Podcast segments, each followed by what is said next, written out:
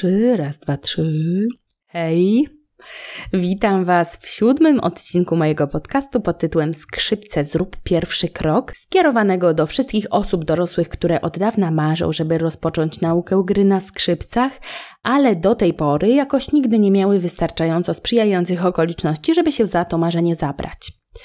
Jeżeli ty jesteś właśnie kimś takim, to wiedz, że ja ci te okoliczności stworzę. Na tyle, na ile będę w stanie, bo może to, co dziś ode mnie usłyszysz, całkowicie zmieni twoje przekonania na temat skrzypiec, które do tej pory miałeś w głowie.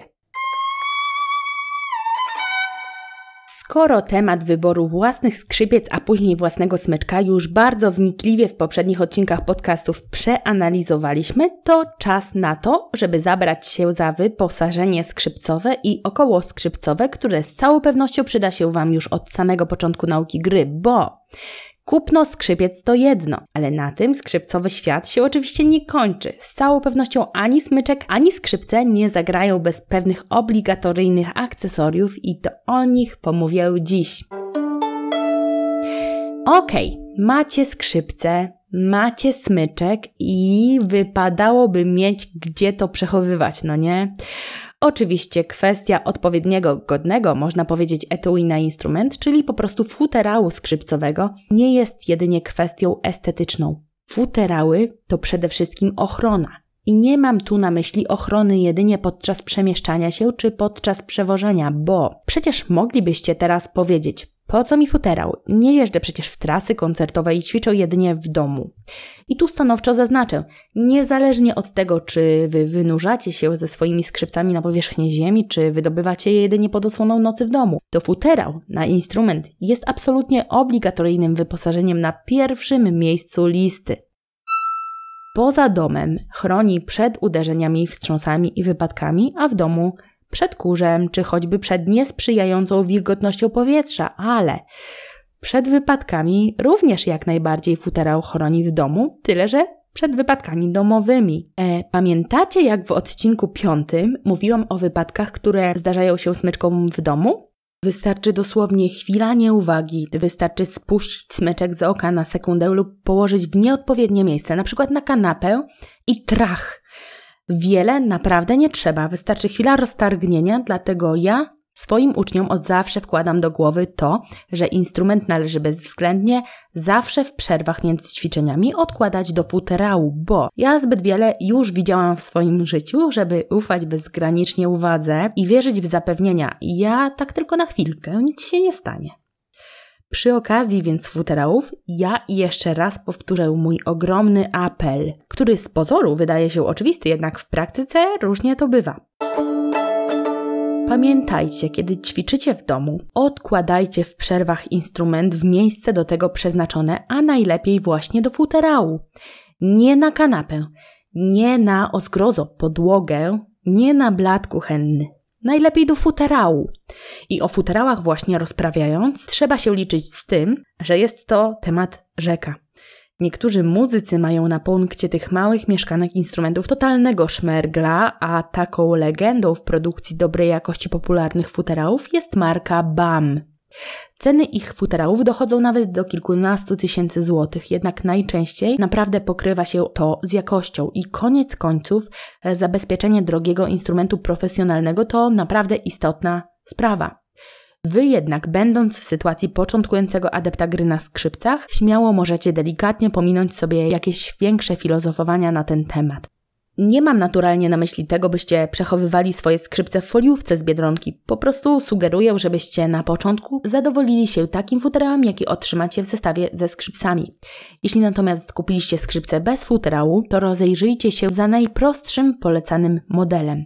Takie najtańsze futerały to koszt nawet kilkudziesięciu złotych i jeśli tylko takim budżetem dysponujecie, to nie przejmujcie się jakoś strasznie. Do użytku domowego na początek taki futerał wystarczy. Ważne tylko, żebyście od razu po otrzymaniu czy w trakcie stacjonarnego zakupu dokładnie sprawdzili, jak solidne są zamki, czy nic się nie zacina, czy wszystko stabilnie się zatrzaskuje itd. Jeśli natomiast dysponujecie od razu kwotą nieco wyższą, to takie trochę lepsze futerały znajdziecie za około 150-250 zł. Z kolei te już zdecydowanie bardziej designerskie i po prostu ciekawsze wizualnie znajdziecie za kilkaset do tysiąca złotych tylko. Z moich obserwacji wynika, że w przypadku takich futerałów w okolicach 700, 800, 900 zł akurat trzeba najbardziej uważać, bo często fakt, że kosztują kilkaset złotych więcej, wcale nie zapewnia im proporcjonalnie lepszej jakości. W wielu takich przypadkach chodzi jedynie o stronę wizualną, a nie jakość wykonania. I zwyczajnie, wydając o wiele większą kwotę, powinniście już chyba, wydaje mi się, dysponować nią znacznie uważniej. Dlatego moja rada w temacie futerałów jest prosta.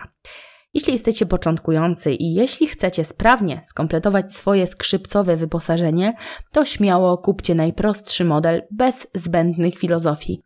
Nie żałujcie, że nie możecie mieć od razu białego, zielonego czy różowego futerału, który swoim blaskiem olśniłby wszystkich przechodniów. Jeśli liczy się dla Was najbardziej Wasza przyszła umiejętność gry, a wydaje mi się, że jeśli tego słuchacie, to tak właśnie jest, to wówczas kolor futerału, wierzcie mi, nie będzie miał aż takiego znaczenia. Oczywiście fajnie jest mieć coś, co Wam samym się podoba, nie zrozumcie mnie źle. Nie będę tu ściemniać, w końcu ja sama jestem kobietą i to, jak na pewno wiecie, też warunkuje pewne kwestie tego typu, jednak no myśląc na zdrowy rozum, praktycznie, jako nauczyciel gry, muszę wprost powiedzieć, wyznaczcie swoje autentyczne priorytety i nie zagrzebujcie się w ofertach futerałów. Zostawcie wy sobie energię na sam proces nauki gry, bo energia wtedy, wierzcie mi, na pewno bardzo Wam się przyda. Punkt drugi na skrzypcowej liście must to kalafonia. Wyjaśniając jak najbardziej obrazowo to, czym jest kalafonia, mogę porównać ją do takiego kleju. Skrzypcowego kleju, który utwierdza kontakt smyczka ze strunami. Kalafonia to nic innego jak stopiona żywica drzewna. Takie bursztynowe, nieskazitelne nowe kostki kalafonii nie dość, że cudownie wyglądają, to jeszcze obłędnie, choć dość specyficznie pachną. Dzięki kalafonii smyczek utrzymuje się stabilniej na strunach, co przeciwdziała ślizganiu się od góry do dołu. Jeśli kupiliście swoje skrzypce w jednym z popularnych uczniowskich zestawów, to bardzo prawdopodobne, że wasze pierwsze skrzypce są już w nią wyposażone. Jednak jakość kalafonii dołączanych do większości takich zestawów pozostawia bardzo, bardzo wiele do życzenia. Ja sama wprost ich nienawidzę i Wiecie, ja jestem orędowniczką niekomplikowania sobie życia niepotrzebnymi pierdołami. Jeśli słuchaliście odcinków dotyczących wyboru skrzypiec czy smyczka, czy nawet tego, co przed chwilą mówiłam na temat futerałów, to wy wiecie doskonale, że ja nigdy nie chcę wpędzać was w niepotrzebne koszta, ale kalafonii ja nie mogę wam odpuścić, bo ona realnie, ewidentnie ma niesamowicie ogromne znaczenie. I tu powiem w skrócie. Jeśli swoje skrzypce, nawet te za kilkaset złotych, wyposażycie w dobrej, a przynajmniej w lepszej niż ta z zestawu jakości kalafonię, to te skrzypce mają szansę brzmieć lepiej niż niejednokrotnie dwa razy droższe, ale nasmarowane badziewiem. Oczywiście kalafonią smarujemy sam smyczek, nie skrzypce, żeby była jasność. Tu opisywałam po prostu efekt końcowy wynikający ze współpracy skrzypiec i smyczka, ale do rzeczy. To tak jakby porównać smyczek nasmarowany kiepską kalafonią z zestawu do smyczka nasmarowanego masłem. Autentycznie. Nie sposób nawiązać kontakt ze struną, nie sposób wydobyć żadnego klarownego, brzmiącego dźwięku, mając kalafonię z zestawu. I wierzcie mi, przetestowałam ich już dziesiątki. Naprawdę, każda kalafonia kupiona w normalnym sklepie muzycznym poza zestawem będzie lepsza od tej z zestawu. I to oczywiście nie muszą być jakieś zawrotne inwestycje. Na początek każda kalafonia powyżej 20 paru, 30 zł będzie lepsza od tej dołączanej do zestawu i gwarantuję Wam, od razu dostrzeżecie różnicę między nią a swoją poprzednią kalafonią. Kalafonie mają tę niezwykłą właściwość, że z powodzeniem w dość dużym stopniu mogą kształtować koloryt dźwięku w zależności od tego, jaką wybierzecie. Jak więc wybrać odpowiednią dla siebie kalafonię? Jeśli jesteście na samym początku swojej skrzypcowej drogi, to tak jak zwykle poradzę. Nie wgłębiajcie się w jakieś złożone teoretyczne analizy, tylko kupcie kalafonię dowolnej, popularnej marki w optymalnej cenie 20 paru, 30 paru złotych, a później potestujcie ją sobie na spokojnie, bo Każdy instrument w połączeniu z konkretnym zestawem strun będzie pod daną kalafonią brzmiał też nieco inaczej. Jeśli w ciągu kilku tygodni czy miesięcy dana kalafonia nie spełni do końca Waszych oczekiwań, to nie ma już innej rady niż oczywiście testowanie. Jeśli ja mam coś powiedzieć od siebie, to od lat jestem wierna jednej kalafonii Larika Gold 2. Używam jej zarówno do skrzypiec, jak i do altówki i przez lata nie znalazłam lepszej. Uwielbiam ją za to, że daje bardzo klarowne, wyraziste brzmienie. Nie jest to jednak wybór, który ja będę uparcie polecała początkującym z jednego prozaicznego powodu. Ta kalafonia jest stosunkowo droga. Oczywiście przy rozważnym użytkowaniu wystarczy ona nawet na kilka ładnych lat, ale tak czysto po ludzku. Myślę sobie, że to może być delikatna przesada kupować kalafonię za ponad 100 zł w momencie, gdy gramy na skrzypcach, które kosztują 300, 400 czy 500 zł. Dlatego moi uczniowie najczęściej używają po prostu kalafonii budżetowych, ale nie chińskich marek krzak, tylko uznanych marek, takich jak choćby Pirastro. Muszę się jednak przyznać, że ja sama jako nauczyciel zawsze staram się gdzieś tam tą kalafonię swoją larikę uczniom przemycić. I przesmarowuję im porządnie smyczki właśnie swoją Leliką Gold co kilka lekcji. E, naprawdę, efekt po jest po prostu niesamowity, nawet na najprostszych modelach fabrycznych. Jakby skrzypce wraz z tą nową kalafonią dostawały zupełnie nowego życia. Reasumując, kalafonia to bardzo ważna rzecz, bo dobra kalafonia jest w stanie znacznie polepszyć wydobywający się z naszych skrzypiec dźwięk, a nawet pomóc w nauce gry poprzez zapewnienie właściwej przyczepności do strun smyczkowi. Te kalafonie w średniej kategorii cenowej, czyli 20 paru, 30 paru złotych, będą na początek jak najbardziej ok. A już co do konkretnego rodzaju i marki, to należy z czasem obserwować, co komu odpowiada. Najtańszych kalafonii, czyli takich za kilka złotych lub tych kupionych w zestawie ze skrzypcami, zdecydowanie jednak nie polecam. Żeberko, czyli coś, co pomoże Wam utrzymać skrzypce pod brodą. I od razu mówię, nie, nie jest to ten czarny y, lub opcjonalnie drewniany element, na który bezpośrednio kładziecie brodę. Ja oczywiście wiem, że Wy to jako integralny element skrzypiec posiadacie i jest to podbródek. Natomiast żeberko, a inne spotykane nazwy to również podpórka skrzypcowa, szyna czy opcjonalnie poduszka, to już zupełnie co innego. Cytując arcyfachową Wikipedię, Żeberko jest to element dodatkowy mający na celu zniwelowanie różnicy wysokości pomiędzy boczkami skrzypiec a długością szyi grającego. Żeberko zapobiega wypadaniu instrumentu i ma wpływ na zwiększenie komfortu gry oraz postawę grającego. Czyli wnioskując, żeberko powinno być najlepiej dostosowane do indywidualnej długości szyi. I na wstępie ważna kwestia. Myślę, że 99% nauczycieli gry na skrzypcach w naszym kraju zgodziłaby się ze mną w kwestii tego, że żeberko jest wyposażeniem obligatoryjnym na początek. Co jednak z tym 1%? Niektórzy pedagodzy nie uznają żeberek i polecają grę bez nich. Jednak mm, jest to bardzo śliski temat.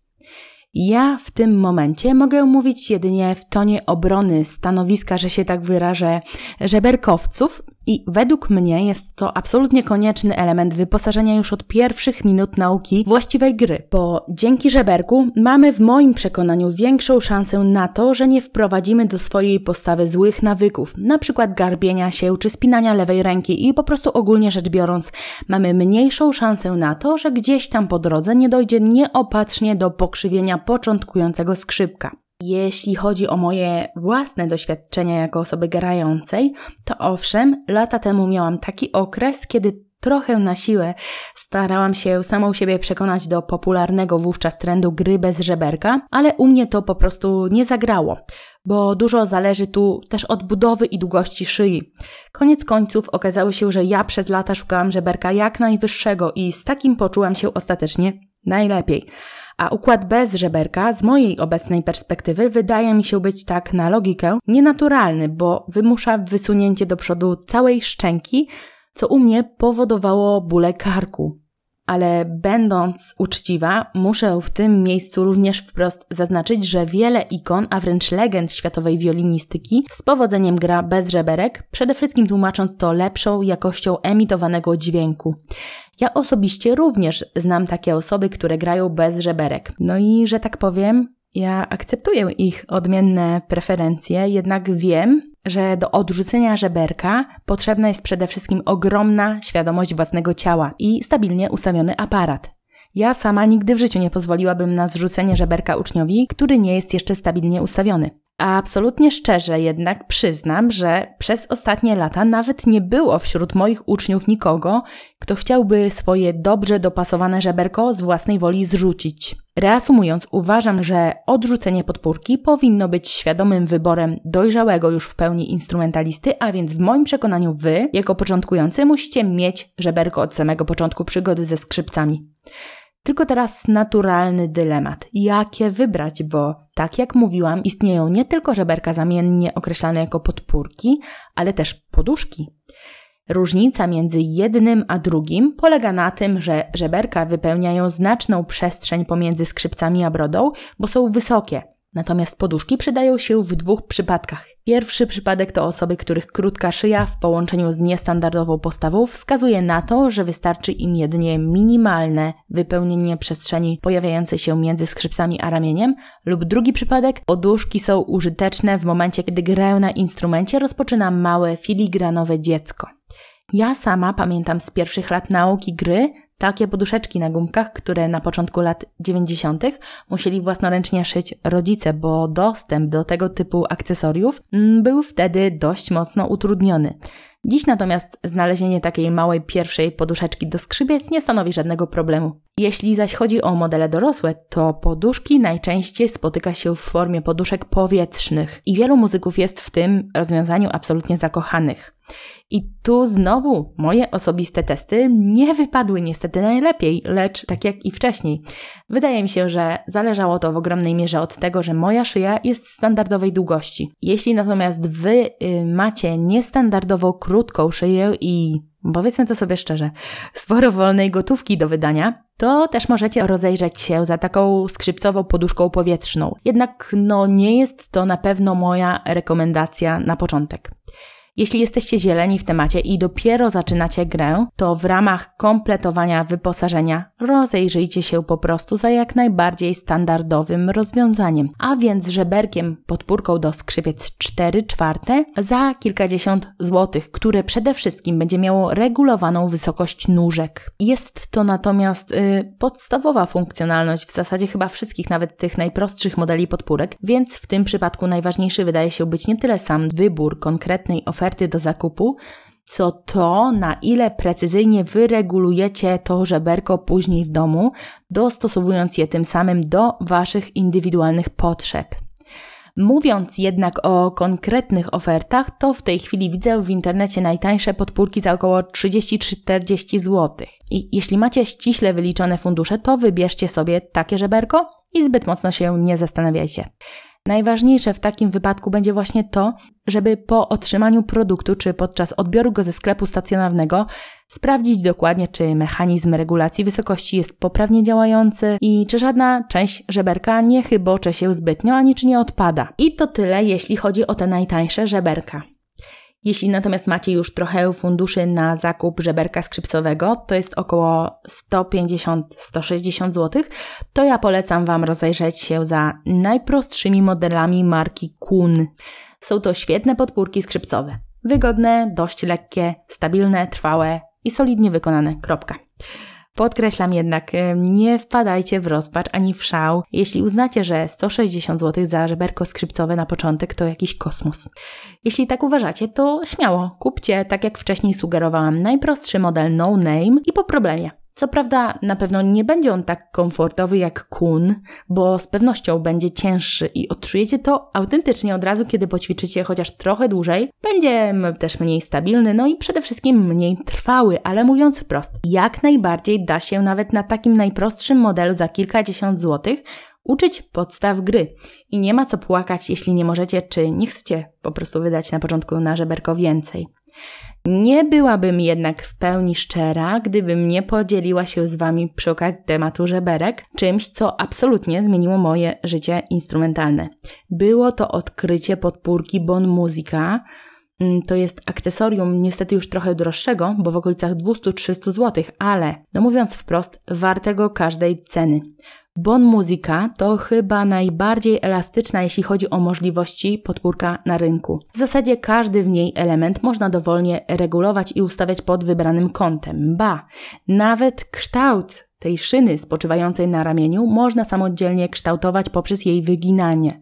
Do tego Bon Musica jest właśnie tym żeberkiem, które wśród wszystkich ofert rynkowych jest najwyższe, co mi osobiście bardzo przypadło do gustu, jednak oczywiście nie każdemu musi to odpowiadać.